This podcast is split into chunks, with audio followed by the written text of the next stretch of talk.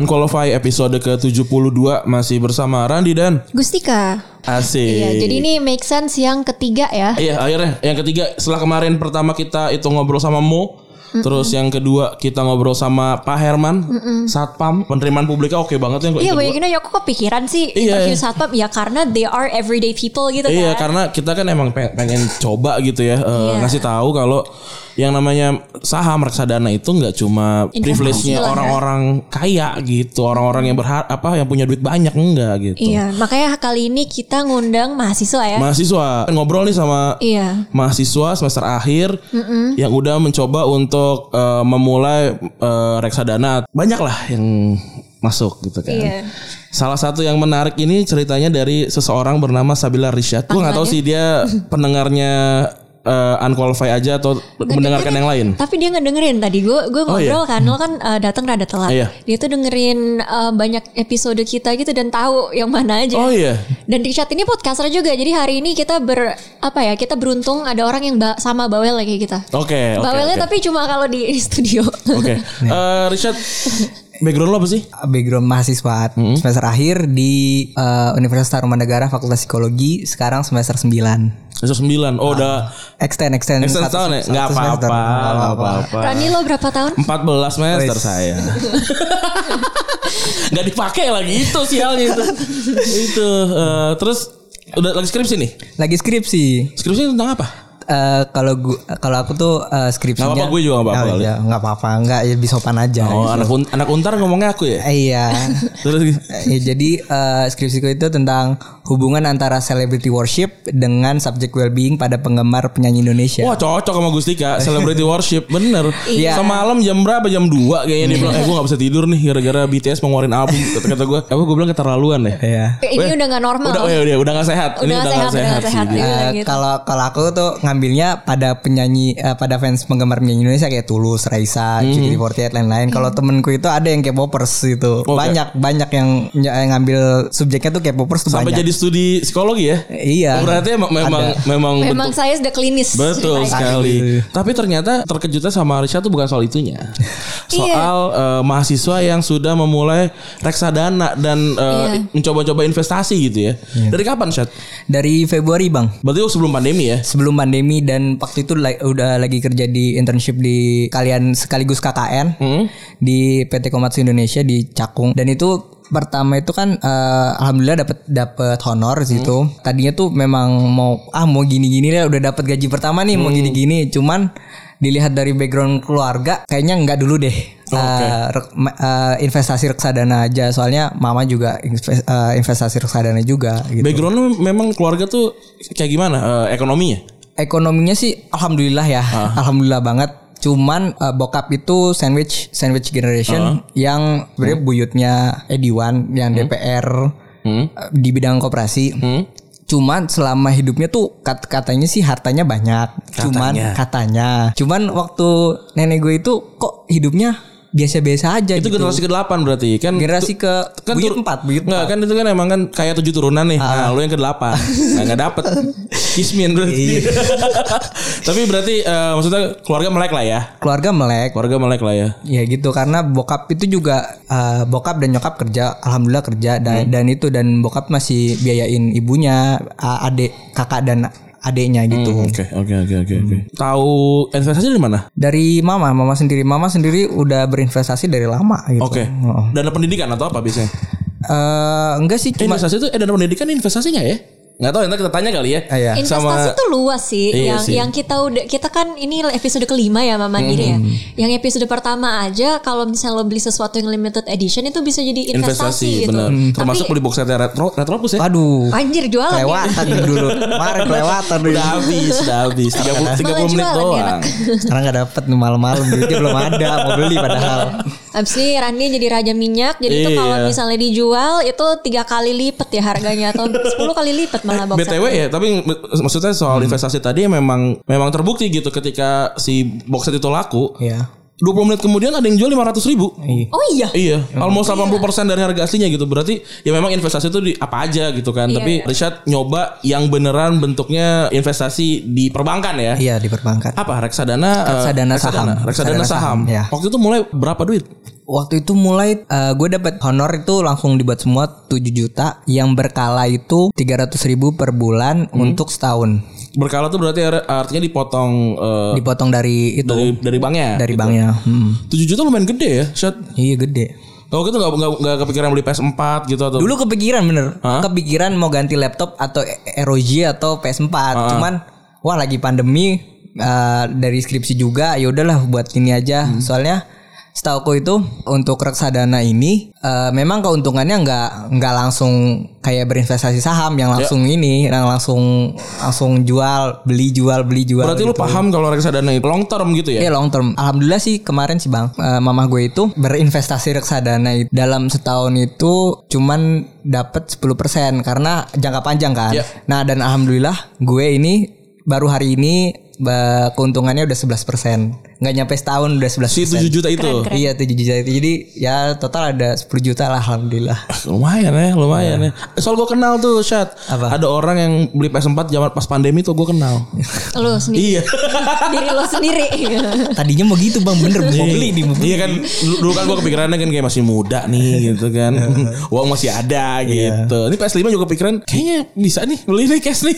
digital digital. Gak usah lo baru lo baru beli motor kan. ya gue baru beli motor lagi gila memang nih pandemi ya.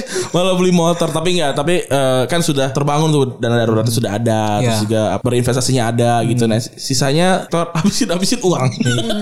Gitu. Iya. makanya nih belajar sama mandiri nih. Sering-sering gue. Jadi jadi makin lumayan makin lumayan sekarang. Gue gue gue yain aja. Kalau gue Iya. kalau gue eh, apa obsesi ser- apa BTS worshipnya udah klinis, Mm-hmm. lo borosnya udah klinis. parah bener Iya. sekali Tapi gini sih, gue penasaran kalau lo kayak teman-teman deket lo ada nggak sih yang pada nabung reksadana gitu? Nabung reksadana belum ada ya, gue doang. Hmm. Eh, yang lain tuh pada berinvestasi saham, berinvestasi Hmm, saham. Jadi gitu. ya udah harian gitulah. Hmm. Kalau gue mah cuman itu aja, ya reksadana aja dah. Hmm. Eh, lagian gue juga butuhnya tuh 5-6 tahun ke depan gitu, pikirannya gitu. Jadi Risha tuh cerita sama gue kalau apa ya keluarganya tuh ada yang harus yang satu bayarin adenya, bayarin capa, bayarin Hmm. Oke. apa. Nah itu yang jadi kayak apa ya lo Ya ceritain? kayak ta- ya tadi yang bokap gue kan sandwich generation Hmm. ya dua atau tiga tahun dua atau empat tahun lagi lah eh, bokap gue itu pensiun. Ya. Bokap gue tuh tuh adik gue beli laptop gini, pah kok dapat duit dari mana? Udah tenang aja ini dapetnya Hmm. bonusan. Nah terus gini gue nanya mama gue mah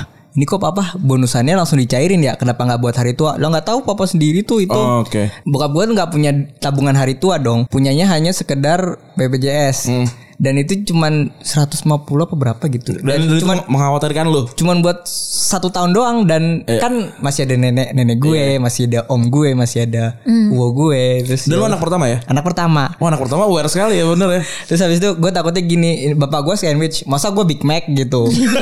Gede lagi Nah, itu itu bagus sih. Analogi bagus banget iya makanya. Dan dan gue tuh ya itu harus ya minimal ntar eh, kalau adik gue kuliah mengurangi biaya bokap gue dengan memberi dia uang Jajan, bulanan gitu iya seperti itu aja Dan Demikian. kayaknya jadi ini gak sih safety net juga kalau misalnya kamu mau coba-coba kerja yang ya kan namanya kerjaan pertama tuh gaji mungkin gak gede ya. Tapi kan kita nggak pernah tahu akan ada apa gitu. Betul. Jadi ini jadi safety net gitu gak sih buat kamu berapa tahun ke depan? iya memang Iya, kar- karena gue juga seboros-borosnya gue ya, tapi tetap maksudnya kan itu itu kan persentase ya, maksudnya kalau kalau teman-teman teman-teman eh, yang dengar mungkin kayak ini si Rani kenapa boros kayak gini? Karena ya mungkin pendapatannya ya lumayan lebih lumayan gitu. Terus juga memang udah udah paham soal yang namanya dana darurat terus juga sudah juga mulai eh, reksadana dan investasi juga gue kebetulan gitu. Terus ya udah sisanya buat dipakai buat menyenangkan diri gitu. Kalau Richard belum ya? Belum belum di situ ya masih lagi nyoba-nyoba Iya kan namanya juga tahun terakhir tapi kuliah ya. lo BTW pernah rugi nggak Syat? Kalau rugi sih kemarin kalau misalnya gue IHSG turun itu sebenarnya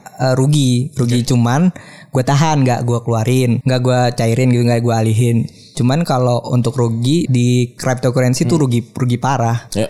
rugi parah di situ. Nah, tadi kan lu bilang eh, ketika apa IHSG-nya turun terus lu memutuskan untuk nih gua tahan atau nih gua alihkan atau gua cairkan, kan berarti ada ada ilmu ada ilmunya nih ya. Ada. Lu nyoba belajar tuh cari-cari informasi tuh dari mana ya? Pertama dari teman-teman yang berinvestasi saham dulu nih. Biasanya teman-teman gue tuh pada story nih, aduh rugi nih hari ini, rugi Oh, rugi story nih." teman-teman lu tuh iya. saham ya? Eh, timing timingnya gitu. Enggak Beda sama kita. Enggak beda ya, enggak enggak enggak lagi update lagu di Spotify gitu enggak ya? Ah, gue. itu gue gue juga Oh, gue itu juga juga gitu ya. gue Terus, sih terus, terus. iya da- dari situ terus eh, kalau lagi tadi kemarin IHSG-nya turun, Hmm. gu- eh, gue coba beli yang lain reksadana yang lain reksadana tadinya kan cuma satu, gue beli dari perusahaan lain gitu. Oke, oke. Dan ya naik juga sih, alhamdulillah 10% juga dari 500 ribu gitu. Lumayan ya. Lumayan. Jadi kalau rugi jangan panik, tapi cari cara gitu Cari ya. cara ya. Iya, ya nambah ilmu, nambah ilmu juga gitu, nambah nambah ilmu nih kalau kalau misalkan lagi rugi nih apa yang harus dilakukan gitu kan. Kalau misalkan gue beberapa bulan lalu udah lepas semua udah kayak ah, takut ah uang uangnya habis gitu ternyata kan nggak nggak gitu gitu. Hmm, ini berarti ya termasuk resiko lah ya. Hmm. Nah lu kalau soal keuangan gini open gak sih sama keluarga lu? Open parah. Open parah gua uh, gua sama nyokap gua tuh open parah. Aha. Suka bercanda sama nyokap gini. Uh, impiannya kan beli mobil CRV gitu. CRV Prestige Turbo ini. Nyokap gua punya reksa- reksadana tuh 25. Mah kalau kita lagi untung ini mah belum cukup nih 24 tambah 11 belum cukup buat beli CRV mah. Cari lagi mah, cari lagi gitu. Gokil ya, gokil. Tapi kalau sorry kalau bayaran kuliah masih dibayarin atau udah? Bayarin gua pasti pasti dibayarin sama bokap. Masih masih. Masih. Tapi cita-cita itu bisa bayar sendiri seru sih ya. Adik gue aja buat adik gue nggak apa-apa gue gue sih kan udah semester terakhir nih Hah? ya udah mau bayar gimana sendiri kan udah dibayar Ya sudah udah mau habis ini bentar lagi wisuda berarti. Ya doain aja bang lagi bab 4 ngolah data sekarang Ah, kuali apa kuanti? kuanti Kuanti, kuanti. Eh, udah extend masa nyoba kuali kuanti aja Oh gua itu.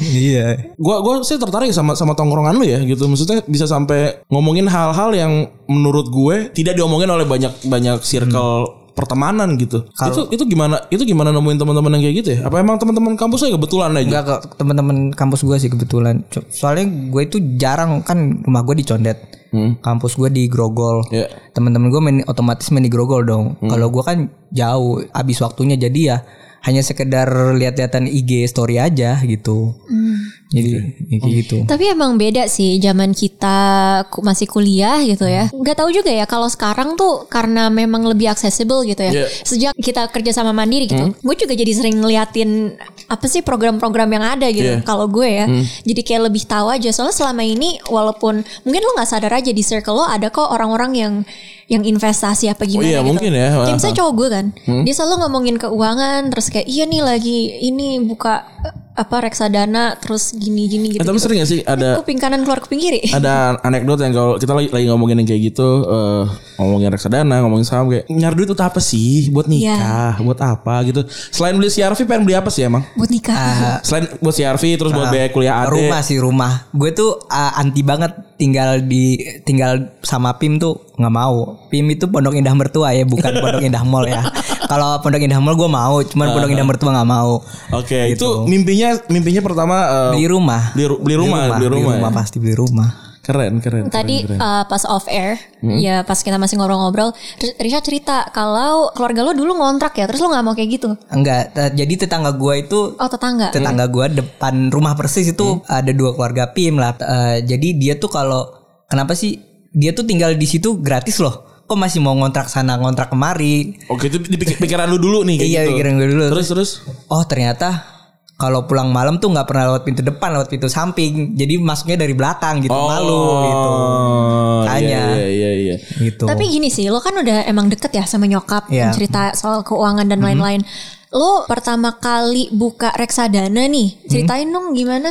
Soalnya kalau misalnya gue bilang bu aku mau buka reksadana, terus kita bareng ke bank, pasti kita berdua tuh pelotot-pelototan aja kayak nggak ada yang ngerti gitu. iya yang pertama gue nanya ke expert dulu ke nyokap gue mah mau nanya dong soal reksadana gini-gini gue terus maksa kan nyokap, gue biasanya nanti ya nanti ya kan nggak kesampaian Iya. gue maksa terus yaudah akhirnya kita ke bank gue eh, ketemu manajernya jelasin sama manajernya gitu. Dan gue tuh nggak nggak nggak nggak kosong kosong banget soalnya ada nyokap gue. Oke. Ah, nanya gini soal ini kalau bisa lihat reksadana ada di web Hmm. cari aja. Ah, di situ kelihatan di website itu ada ada beberapa itu Pilihan. pilihan pilihannya dilihat tuh ada nilai NAB-nya berapa nilai aktif bersih kalau nggak Oke, salah. heeh. NAB-nya berapa terus progresifnya gimana? Bin- ah, di situ ada ah, tingkatan progresnya kayak bintang bintang 3 bintang 3 minus bintang 3 apa plus. tuh bintang tuh apa ya? Bintang tuh kayak performanya. Oke. performanya bisa dilihat itu bintang 3 bintang 3 plus bintang 3 minus. Jadi eh, dan ada di situ ada kalau kalau gue milih yang agresif karena turunnya itu kadang agresif naiknya juga kadang sedikit sedikit gitu.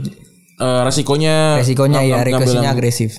Keren loh gue Gue jujur ya sama nyokap gue tuh soal keuangan itu waktu zaman kecil kan lebaran kan. Sini uangnya mau simpan ya itu dah. mentok sama situ dong yang paling situ. Sunat juga sama kan. Sini uangnya mama simpenin gitu buat kamu sekolah gitu. Kalau sunat gue juga bang gitu. ya kan di, di, di ini juga. Diambil tapi untuk beli rumah jelas gitu. oh keren juga. Gue Iya. dulu nggak tahu ke mana. Itu buat sekolah. Kalau kalau gue tuh dulu di di ini sih di sekolah gue tuh ada bank terus yang kayak apa sih buku tabungan anak Iya buku tabungan yang pakai karton buku kertas karton gitu. Iya. Iya, enggak yang yang oh yang kayak sekarang sih maksudnya mandiri gue tabungannya juga yang paper masih sama gitu. Oh, Yang- kalau gue catat sama gurunya. gue enggak gue yang yang beneran kayak banknya actually datang ke sekolah terus gue nabung ke bank. Dan karena itu buka di sekolah gue nggak tahu sih Kak, gue nggak tahu ya nanti. Kan ada mbak Manda ya dari mandiri. Nanya ada nggak sih yang buat anak-anak itu? Gue ya masih kecil datang ke ke bank sama nyokap gue terus kalau misalnya ada uang lebaran atau gimana ya nabung ke bank gitu. Jadi Oh, oke. dibiasain dari kecil untuk nabung di bank. Tapi itu doang kebiasaan gue nggak gue nggak pernah sekeren iya sih, gue juga Rishad. sama sih. Gue juga tuh uang gue, gue pengen nanya nih lebaran kan bertahun-tahun ya. Iya. Dan- uang uang gue ke mana ya dari dulu ya? Tapi by the way tabungan junior gitu lalu bisa di convert ke tabungan dewasa Oke, nantinya gitu. iya iya iya. Dulu, juga waktu di kampus gue pakai mandiri juga karena Undi waktu itu kerjasama kerjasama sama mandiri gitu. Hmm. Gitu kali ya untuk segmen pertama nih kita tadi udah ngobrol-ngobrol sama Rishad, udah ngulik-ngulik juga mahasiswa tapi udah coba eh, reksadana dan investasi gitu. Iya jadi udah tujuh langkah lebih ke depan daripada kita berdua ya Tapi ya. apakah sudah benar eh, caranya, langkahnya? Iya. Nanti kita coba tanya ya sama eh, tamu kita dari Mandiri nih ada Mbak Manda. Kita lanjut ke segmen kedua. Kita semua memiliki prioritas yang berbeda. Prioritasku dalam berkarya adalah mewujudkan sebuah visi.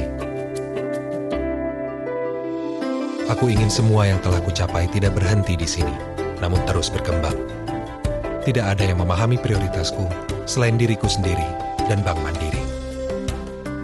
Mandiri Prioritas, memahami prioritas Anda untuk kini dan masa depan. Jadi kan tadi kita udah ngobrol-ngobrol ya sama Rishad. Maksudnya Rishad masih di sini sih, Yep. tapi menarik banget karena dia masih mahasiswa yang ternyata udah mulai nyobain reksadana dan investasi. Dan seperti biasa kita pasti ada perwakilan dari Bank Mandiri. Jadi Betul. expertnya lah kira-kira yang bisa kasih satu atau dua masukan Betul. mengenai Apakah riset udah bener atau ada yang bisa lebih dibenerin lagi gitu? Iya bisa dioptimalkan gak nih? Karena yang kayak riset pasti banyak banget eh, mahasiswa penasaran sama hal-hal berbau keuangan gitu kan, tapi pengen nyoba deg-degan, takut salah, malah rugi gitu kan. Nah, Iya. Kalau ini- Rishad kan ibunya udah ini ya Iya. apa namanya kayak ngajarin gitu. Betul. Jadi kayaknya nggak terlalu takut ya di awal-awal Nggak ya. terlalu takut. Betul, nggak nggak semua tapi punya guardian ya kan. Ada guardiannya. Nah, kita teman-teman ini banyak yang takut nih. Gitu. Makanya kita ada Mbak Amanda, Relationship Manager Priority Banking Bank Mandiri Yep. yang bisa kasih masukan nih. Jadi aku mau nanya nih Mbak Amanda. Halo Mbak Amanda. Halo Mbak. Oke, jadi sebenarnya memulai reksadana dan investasi itu baiknya kapan sih? Jadi gimana ya kan mahasiswa kebanyakan nggak punya penghasilan sendiri, Betul. ataupun kalau punya penghasilan nih mereka tuh masih yang ya serabutan gitu karena Betul. masih sambil kuliah ataukah ya per project atau part time gitu. Tadi sebetulnya jawaban Rishad itu udah bener banget. Dimulai dari tujuannya. Tadi kan si Rishad tujuannya investasi adalah untuk beli mobil HRV ya, Yap. Rishad. Tujuan itu hal yang pertama yang harus kita perhatikan. Kedua, jangka waktunya berapa lama sih yang kita mau? Ketiga, seberapa besar sih resiko yang bisa kita tolerir? Lalu keempat, ada asset allocation. Jadi pada saat kamu in- berinvestasi, baiknya tuh kayak dipecah-pecah gitu untuk jangka pendek, menengah, dan panjang. Ya. Lalu yang terakhir adalah periodic review. Jadi setiap per 6 bulan, per 3 bulan kamu review portofolio kamu apakah sudah maksimal atau belum. Gitu. Hmm, Oke, gimana tuh cara taunya yang portfolio tersebut gitu Hmm. bagus atau enggak? Itu namanya profil resiko bukan ya? Kalau misalnya profil resiko itu adalah jadi gini, pada saat kita berinvestasi kita harus tahu dulu kan sebetulnya resiko profil kita tuh apa. Nah, kalau kayak misalnya contoh, kita berinvestasi 10 juta, ada penurunan investasi kita sebesar 10%. Masih bisa tidur nyenyak nggak sih? Mm-mm. Kalau misalnya masih bisa kayak aman-aman aja ya udahlah biarin aja atau untuk jangka panjang berarti profil resikonya dia agresif. Tapi kayak misalnya, aduh nggak mau ah eh, resiko yang terlalu tinggi, pengennya mau yang aman-aman aja, yang penting pemeliharaan kekayaan. Nah, berarti kita merupakan uh, resiko yang lebih ke konservatif. Oke. Jadi hati-hati banget. Yang penting aman uangnya. Oke. Oke, mungkin biar ada contohnya gitu ya. Jadi mungkin orang jadi lebih paham gitu. Eh, coba deh kita berdua nih Gus kan kalau Iya. kalau apa riset udah nih. Sekarang kalau Gustika deh Profil resikonya, profil ya. resikonya nih pendapatan sebulan berapa? Aku pendapatan sebu- sebulan kan nggak tentu ya Iya. kan ya. Soalnya aku uh, freelance jadi Yep. project based. Tapi mestinya di kuartal keempat. Kalau misalnya semuanya dibayar Hmm. Yep. pada kuartal keempat dan aku nggak yakin itu kira-kira uh, 50 ya, 40-50 gitu juta. Kuartal 4 berarti kan ada tiga bulan tuh. Tiga bulan dalam Berarti tiga berarti, bulan. berarti ini. kurlep 15 juta sebulan. Iya. Oke. Terus eh, itu pun bulan depan aku bakalan mulai kerjaan baru kan Iya. yang kira-kira gajinya di atas UMR lah. Ah, jadi ah. anggaplah taruh 5 belum tanda tangan Yep. soalnya. Jadi eh, belum tanda tangan kontrak jadi nggak tahu lah ya. Terus aku dana darurat itu aku kan ada tabungan dolar. Iya. Jadi ya, eh, tabungan dolar itu udah aku kumpulin sejak aku tuh masih ini sih, masih kuliah di luar. Jadi Oke. kalau keluarga aku tuh kalau misalnya aku ulang tahun nanti gimana suka kasih dolar. Hmm. Nah, tapi kebetulan karena aku di UK dan apa namanya uh, currency-nya itu jatuh dari kalau misalnya dolar itu ke pounds, aku buka tabungan dolar di Indonesia, di Ya. Mandiri juga ada. Terus itu mungkin kekumpul udah 15.000 ribu uh, US Dolar. dollars. Terus sekarang kan dolar, dolar lagi 15.000 ribu ya. Berarti itu, itu dana darurat aku yang aku Ya. anggap dana darurat itu itu ada 300 juta. Nah, kalau di ininya sih kayak uang aktifnya ya tabungan aktif yang naik turunnya itu Ada di rekening. di rekening tiga ada 35 soalnya 35. kemarin lo baru transfer gue 4 Iya. dan itu sih jadinya eh kayak itu deh Eh, ini Pendapatan. eh, asuransi? asuransi gue lagi nggak ada karena asuransi nggak ada. uh, uh, sebelumnya pernah yang private dari kantor nyokap terus pernah BPJS cuma nggak tahu kabarnya lagi karena Iya. ya kartunya hilang dan lain-lain dan gue waktu itu kan di luar ya jadi nggak nggak itu dan, dan dokter gue tuh nggak cover BPJS Iya. gitu Dan pengeluaran berarti sebulan berapa?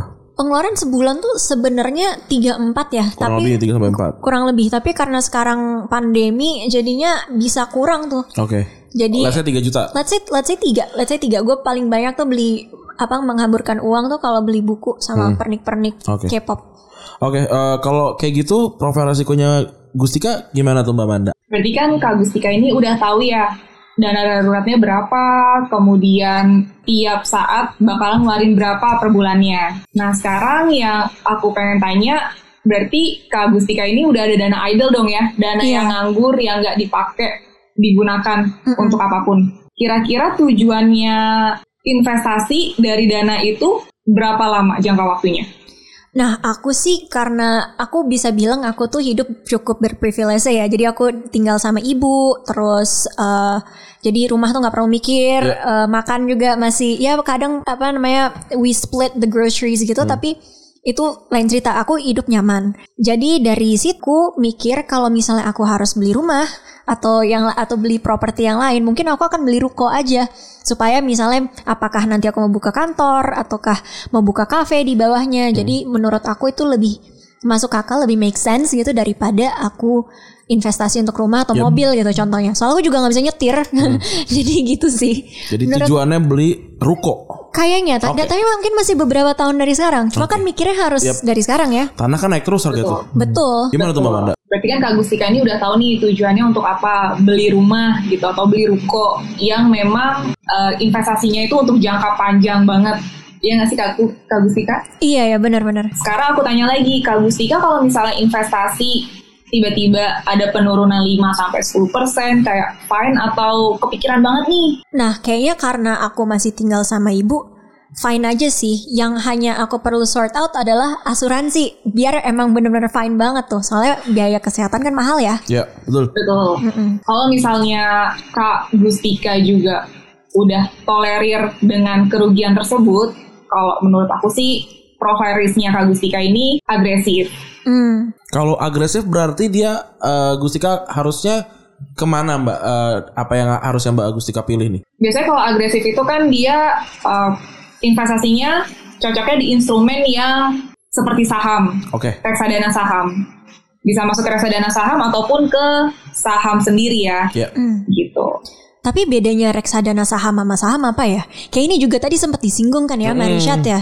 Dan kenapa dan aku yang tadi dari tadi ngobrol-ngobrol ya, aku penasaran kenapa reksadana saham dan saham itu saling bergantung gitu. Betul. Aku masih rada bingung nih gimana. Sebetulnya reksadana saham dan saham itu sama-sama instrumennya saham.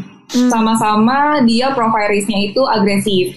Cuman yang membedakan antara reksadana saham dan saham murni, reksadana saham tuh kalian nggak perlu lagi mikir-mikir uang kalian bakalan ditaruh di mana. Karena ada manajer investasi sendiri yang udah ngelola dana kalian. Tapi kalau misalnya trading saham itu yang mikir kalian sendiri mau taruh di emiten mana, di perusahaan A atau perusahaan B atau perusahaan C. Bedanya itu kalau reksadana lebih ke terdiversifikasi karena udah ada yang ngatur nih si manajer investasi dan nggak perlu lagi mikir-mikir. Gitu. Jadi kurang lebihnya kayak nge-gym. Ada ada PT lo mau nge-gym sendiri bisa. Resiko keseleonya salah pakai alat gede gitu. Ya kita meng-hire PT lebih jelas gitu eh, apa program-programnya kurang lebihnya gitu kali ya mana ya.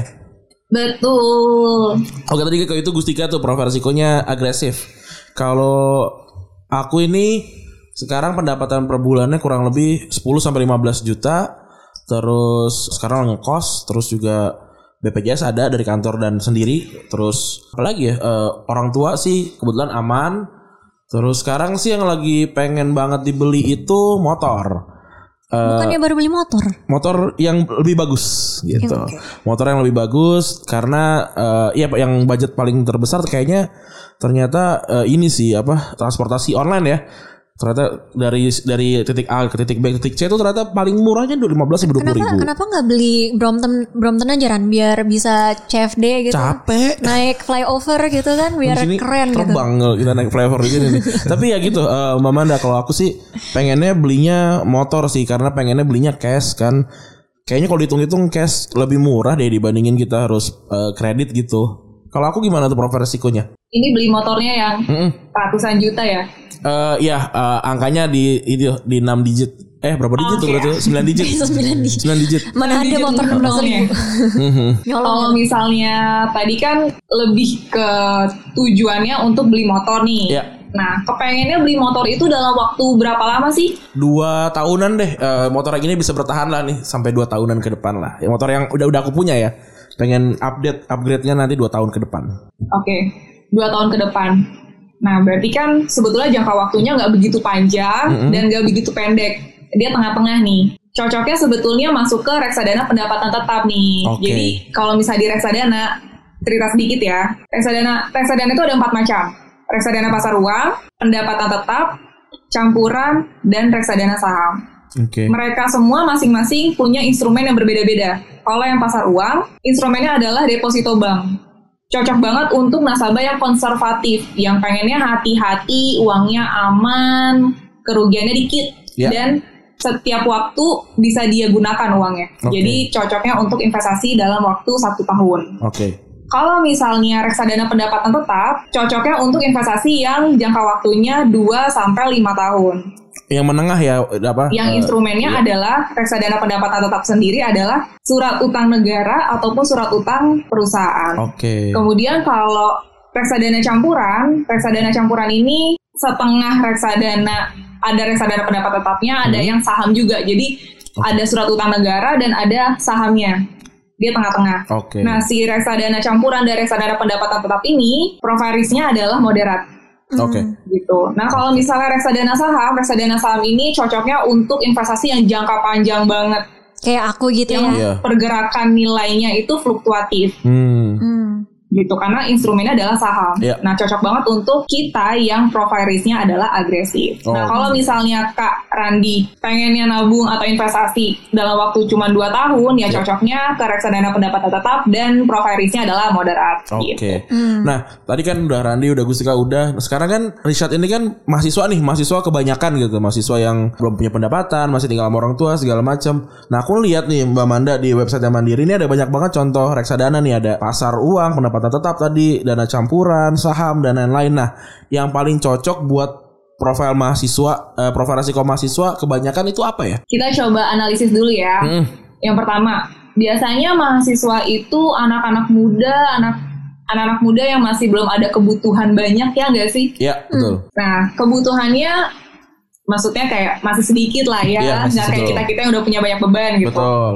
Nah, kemudian biasanya mahasiswa ini pengennya beli misalnya contoh untuk dana pensiun atau untuk beli mobil 10 tahun kemudian atau mau buat beli motor 7 tahun kemudian. Itu S2 Jangka 5 tahun waktunya kemudian. panjang banget. Iya. Itu pertama. Kedua, biasanya mahasiswa itu pengennya returnnya tinggi, high risk, high return. Nggak apa-apa deh resikonya tinggi, yang penting returnnya tinggi gitu Iya. kan. Hajar aja. Hmm. Nah, bisa dilihat dari dua itu tuh. Jangka waktunya panjang, kemudian mayoritas mereka agresif, cocoknya adalah masuk ke reksadana saham. Tapi balik lagi ya, sebetulnya ke kebutuhannya si mahasiswa. Beda-beda. Kalau misalnya mahasiswa tersebut investasi untuk jangka pendek, kayak misalnya tahun depan pengen ke Bali, Hmm. atau misalnya pengen ke Jogja cuma buat liburan, yang nggak cocok masuk ke reksadana saham. Iya. Cocoknya masuknya ke reksadana pasar uang. Oke. Berarti kalau misalnya aman-aman aja. Berarti kalau misalnya mau ke Las Vegas gitu wisuda gitu kan nggak bisa nih bisa. tahun ini pandemi nggak bisa. Pandemi. Terus kayak Las Vegas yuk 10 tahun lagi itu bisa kalian Bisa. kan ya buat yang jangka panjang. Tapi kalau ternyata Bisa. mau ke Bali aja jangka pendek gitu. Iya. Betul. Iya. Tapi kalau pengen nanya lagi kalau bedanya reksadana sama tabungan biasa apa ya Mbak Manda? Kalau misalnya tabungan biasa, itu ada pajaknya 20%. Oh gitu. Nah, kalau misalnya si reksadana itu sebetulnya kita return yang kita dapat itu udah bersih, Oke. udah dipotong pajak sama MI-nya. Hmm. Jadi lebih enak masuk ke reksadana. Oke. Dan kemudian kalau misalnya masuk ke reksadana, kamu tuh nggak perlu pikir-pikir pusing, uangnya dikelola sama siapa karena udah ada manajer investasi yang layak, yang profesional yang bisa ngolah uang kamu. Oke. Jadi nggak nggak perlu takut ya? nggak perlu nggak perlu. Nggak perlu takut. Asal soalnya kan Tinggal- ya itu ada PT-nya itu kan. iya, ada PT-nya tadi. Betul. Oke. Iya yang udah ahli dan ya mandiri Yep. kan ada bertahun-tahun. Bener. Ber- ya pokoknya intinya mandiri tuh lebih tua dari kita lah. Makanya gue pakai mandiri. Iya. Terus pas mandiri mandiri masuk gue kayak oh ya udah nggak apa-apa emang gue pakai mandiri. Betul sekali. kan soal resiko tadi kita ngomongin resiko dan segala macam. Kan semuanya tetap saja ada eh, resiko untuk rugi ya Mbak Manda ya. Betul. Itu gimana ya caranya untuk ngasih tahu nih kalau eh, ya memang ada kerugian nih gitu. Ya, Tapi kayak ya kemarin cerita ini ya IHSG turun ya. Iya, Iya, gitu. Betul. Itu kan tapi harus ceritain juga kan kayak ya memang ada ruginya gitu. Tapi gimana nih caranya untuk meyakinkan kalau ya memang apa pun ada ruginya termasuk si saham ini gimana tuh Mbak Manda? Jadi pada saat kita investasi, kita juga harus sadar bahwa segala jenis investasi itu pasti ada resikonya. Ya. Kayak misalnya kita investasi emas, pasti kan ada naik dan turunnya harga emas kan. Ya. Sama halnya dengan reksadana. Masuk ke reksadana saham misalnya, pasti ada naik dan turunnya harga saham ya IHSG. Betul. Nah itu masuk ke dalam resiko pasar. Kemudian resiko lagi ada namanya resiko likuiditas. Oke. Reksadana ini kan bukan kayak tabungan yang kalau misalnya kita ke ATM tiba-tiba kita tarik uang, uangnya langsung keluar gitu kan. Iya benar. Mereka butuh waktu uh, maksimal paling lama T plus 7. Nah, dia nggak bisa sewaktu-waktu dicairkan. Dan kemudian kalau misalnya kita investasi di reksadana, penting banget kita perhatiin manajer investasinya nih. Paling nggak, at least kalian pilih manajer investasi yang top 10 atau top 15 lah. Oke. Yang kelolaan dananya banyak, yang udah dipercaya oleh masyarakat. Jadi kalian juga lebih tenang lah istilahnya Iya. uang kalian dikelola oleh siapa gitu. Tapi inilah juga kenapa penting banget ya dari awal dan kenapa episode pertama itu inilah kenapa penting punya dana darurat. Iya. Dan ini kan di episode yang pertama yang make sense itu di di apa ya disebut lagi dana darurat tuh kenapa penting dan Betul. sebelumnya udah ada yang Kita episode sama banget Niko kan. sama Niko tuh kita ngomongin dana Terus darurat. sama mau diomongin lagi. Sama mau dia diomongin Jadi lagi. itu sih sebenarnya kayaknya langkah pertama investasi ya. Eh langkah pertama keuangan. langkah pertama keuangan ya harus punya dana darurat Betul. gitu. Betul. Nah, kan juga bersyukur Richard ini keluarganya apa ya kulturnya tuh ada ada punya kultur soal investasi. Kalau di gua sih enggak gitu di keluarga gua enggak. Jadi Keluarga gua gue juga enggak. jadi gua jadi kita berdua mungkin nyarinya keluar nih gitu karena Iya Tapi- bahkan gini sih eh, kalau gue sendiri pun keluarga gue tuh yang jadi kakek gue tuh dulu nabungnya tuh di surat utang negara Ya. obligasi. Bung Hatta nabungnya di obligasi. Surat utang negara yang tadi disebut Hmm. Ya. apa namanya eh, sama sama Mbak Manda. Ya tapi nggak pernah diajarin gitu bukan diajarin sih nggak pernah kayak misalnya eh, dia ikutan course kali nggak ada ya. Enggak atau misalnya dia bilang ke nyokap gue kamu harus nabung di sini gitu. Iya. Itu nggak pernah gitu. Jadi nggak ada kultur tersebut. Jadi yang per- yang penting sharing juga ya. Betul. Tapi eh, lo tadi mau ngomong apa Ran? Ya ini sih pengen soal kulturnya itu Kultur ya? gitu apa ngebang ngebangkitin soal kultur investasi ini gitu kan kalau kalau nggak dimulai gitu kan maksudnya kalau kalau lu nggak juga nggak belajar ya nggak akan ya nggak akan mulai-mulai gitu loh jadi apa gua gua kedatangan Risha kita berdua kedatangan Risha tuh happy banget karena ternyata ya emang harus dimulai dari kapan pun bebas gitu loh. Mau umur lu berapa? Risha umurnya 22 gue mulai baru umur gue 28 which is tahun ini gitu. Ya harus harus harus segera gitu. Harus segera harus segera dimulai. Tapi lagi-lagi perhatikan dulu soal dana darurat. Gitu ya bener ya Mamanda ya? Betul. gitu. Nah terakhir nih eh, sebelum sebelum eh, rangkuman dan segala macam apa sih yang harus kita lakukan nih kalau untuk pertama kalinya coba untuk mulai membeli eh, reksadana atau mencoba investasi yang lain Yang pertama, kita sebetulnya harus tahu kan tujuannya investasi untuk apa. Ya. Kemudian kita udah tahu nih jangka waktunya berapa lama. Kemudian kita udah tahu profil resikonya udah profil resiko kita tuh apa. Ya. Kalau udah tahu itu semua, kita bisa cari-cari reksadana di internet. Di Ya. Bank Mandiri itu ada banyak invest, uh, ada banyak investasi reksadana. Oke. Pasar uang, pendapatan tetap, campuran dan saham. Dan untuk menanyakan reksadana itu, kalau misalnya males gitu buka di Google atau searching di website, bisa langsung datang ke cabang Bank Mandiri terdekat. Nanti di- bisa dibantu dengan customer service kita. Oke, jadi datang ke sana, Mbak, eh, Mas, aku pengen diajarin dong caranya berinvestasi. Boleh ya, ngobrol gitu aja boleh, ya? boleh ya. Boleh banget. Jadi Tapi kalau ujung-ujungnya nggak jadi gimana? Iya. Nggak apa-apa juga. nggak apa-apa. Nggak apa-apa.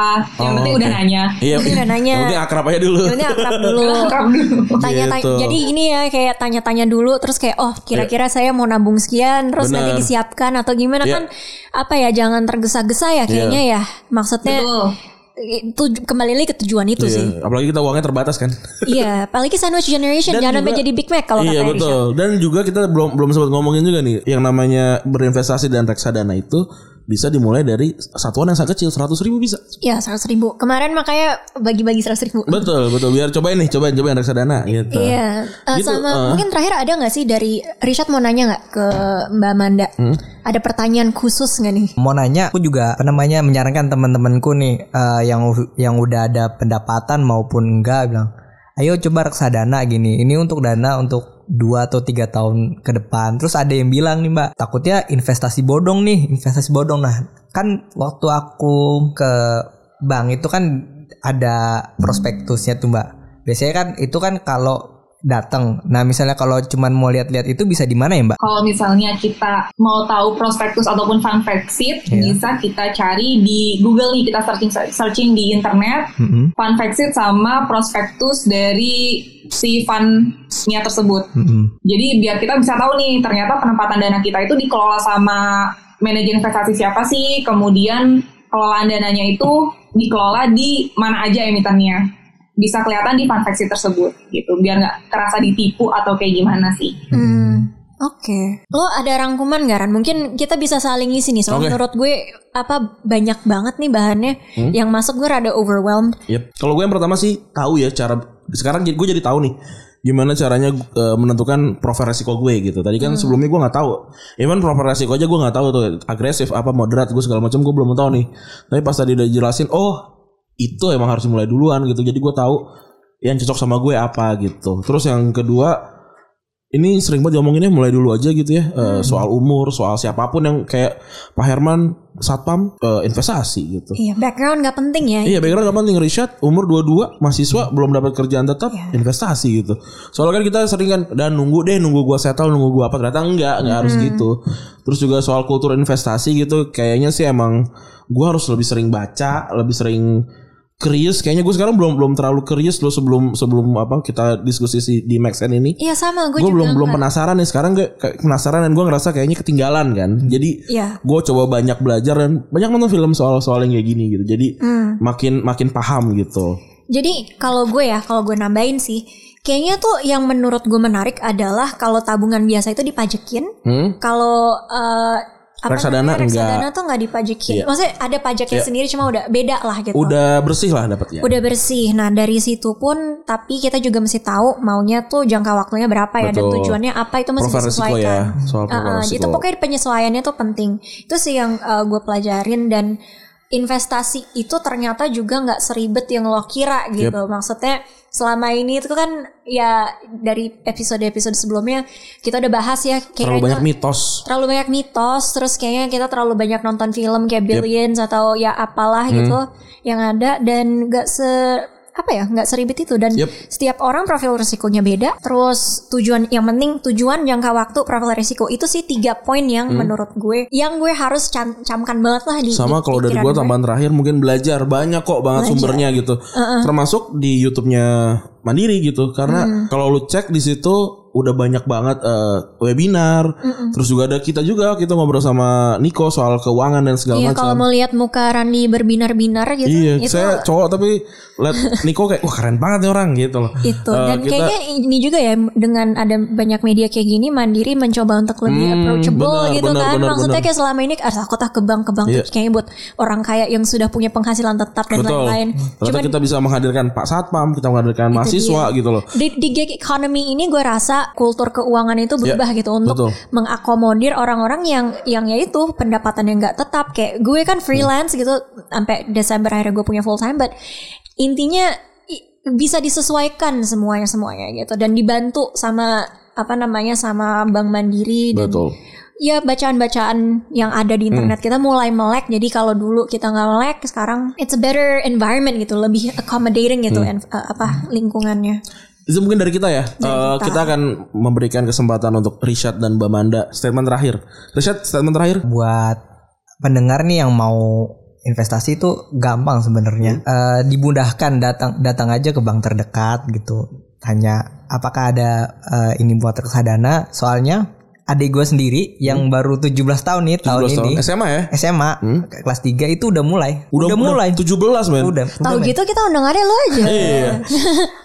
Berarti gue lagi sibuk UN mau UN mau Oh, lagi persiapan senam SNMPTN jadi gitu. ter- jadi ternyata jangan malu-malu ya untuk jangan nanya. malu-malu Untuk bertanya. tanya aja tanya tanya Oke. kepada ahlinya ahli Oke, kalau Mbak Manda ada eh, last statement? Kalau dari aku sih lebih ke nggak ada pernah kata terlambat untuk berinvestasi Yap. Hmm. gitu. Jadi kapan pun mulai aja dulu investasi, nyemplung dulu biar tahu rasanya dan tahu adrenalinnya berinvestasi itu kayak apa. Betul. Kalau misalnya memang sudah tahu, seiring berjalannya waktu, kamu akan aware sendiri kok dan bakalan jadi belajar sendiri terkait market dan lain sebagainya. Gitu. Jadi nggak perlu takut dan Betul. mudah banget bisa datang ke bank, benar kata Risha. Oke. Iya, pokoknya intinya ngobrol-ngobrol dulu kan Iya. ya, kayak tadi kita bilang nggak perlu langsung instan karena butuh proses. Ya. Terus yang penting belajar sih Betul. dan, dan belajar melek sih. Dan info-infonya banyak tadi di YouTube. Di Terus juga YouTube. kalau pengen follow Mandiri ada di eh, di Twitter, di Instagram @bankmandiri bisa juga di dicek di situ. Atau di websitenya juga udah Betul. cukup informatif ya. Terus juga lo bisa cek eh, Make Sense eh, episode 1 2 3 kita kita ngomongin full soal reksadana, investasi, terus juga soal kita memecahkan banyak mitos yang mungkin lu takut gitu untuk memulai gitu. Dengerin aja di situ ulang gitu bisa bisa bisa lu dengerin gitu. Hmm. Iya. Terus eh ya gitu ya kayaknya. Iya. Eh gue That's it. nanya, eh, Richard mau promoin Ya, podcastnya promo- nggak nih? Lu kan, kata juga podcaster. Boleh, podcaster, boleh, makanya, boleh. Makanya lancar nih. Yes. Ya, eh eh, buat yang dengerin boleh juga didengerin di podcast menyesal itu podcastnya berisi tentang pengalaman gue dan teman-teman gue eh, idoling ya dan diisi sama saudara gue sama teman gue sendiri bisa dicek di Spotify ada podcast menyesal yang kuning-kuning itu yang Yes. kuning-kuning Oke. di Twitter juga ada kita aktif di Twitter di podcast at podcast menyesal di IG juga ada pod, at podcast menyesal Oke, gitu. oke. Terima kasih Richard sudah sudah mampir eh, sukses soal kuliahnya. Bentar Amin, lagi- amin, amin. Semoga cepat lulus. Iya, amin, betul. amin. Terima kasih juga Mama Anda sudah meluangkan waktunya di sore hari yang ri- rintik-rintik seduh ini. Ya, IKN podcast. Iya, jadi eh, terima kasih semuanya. Terima kasih Gustika sudah menemani saya walaupun ya pastilah ditemenin lah. gitu ya. Terima kasih teman-teman yang sudah mendengarkan episode kali ini. Gua Randy cabut. Gue Gusika juga cabut. Bye. Bye.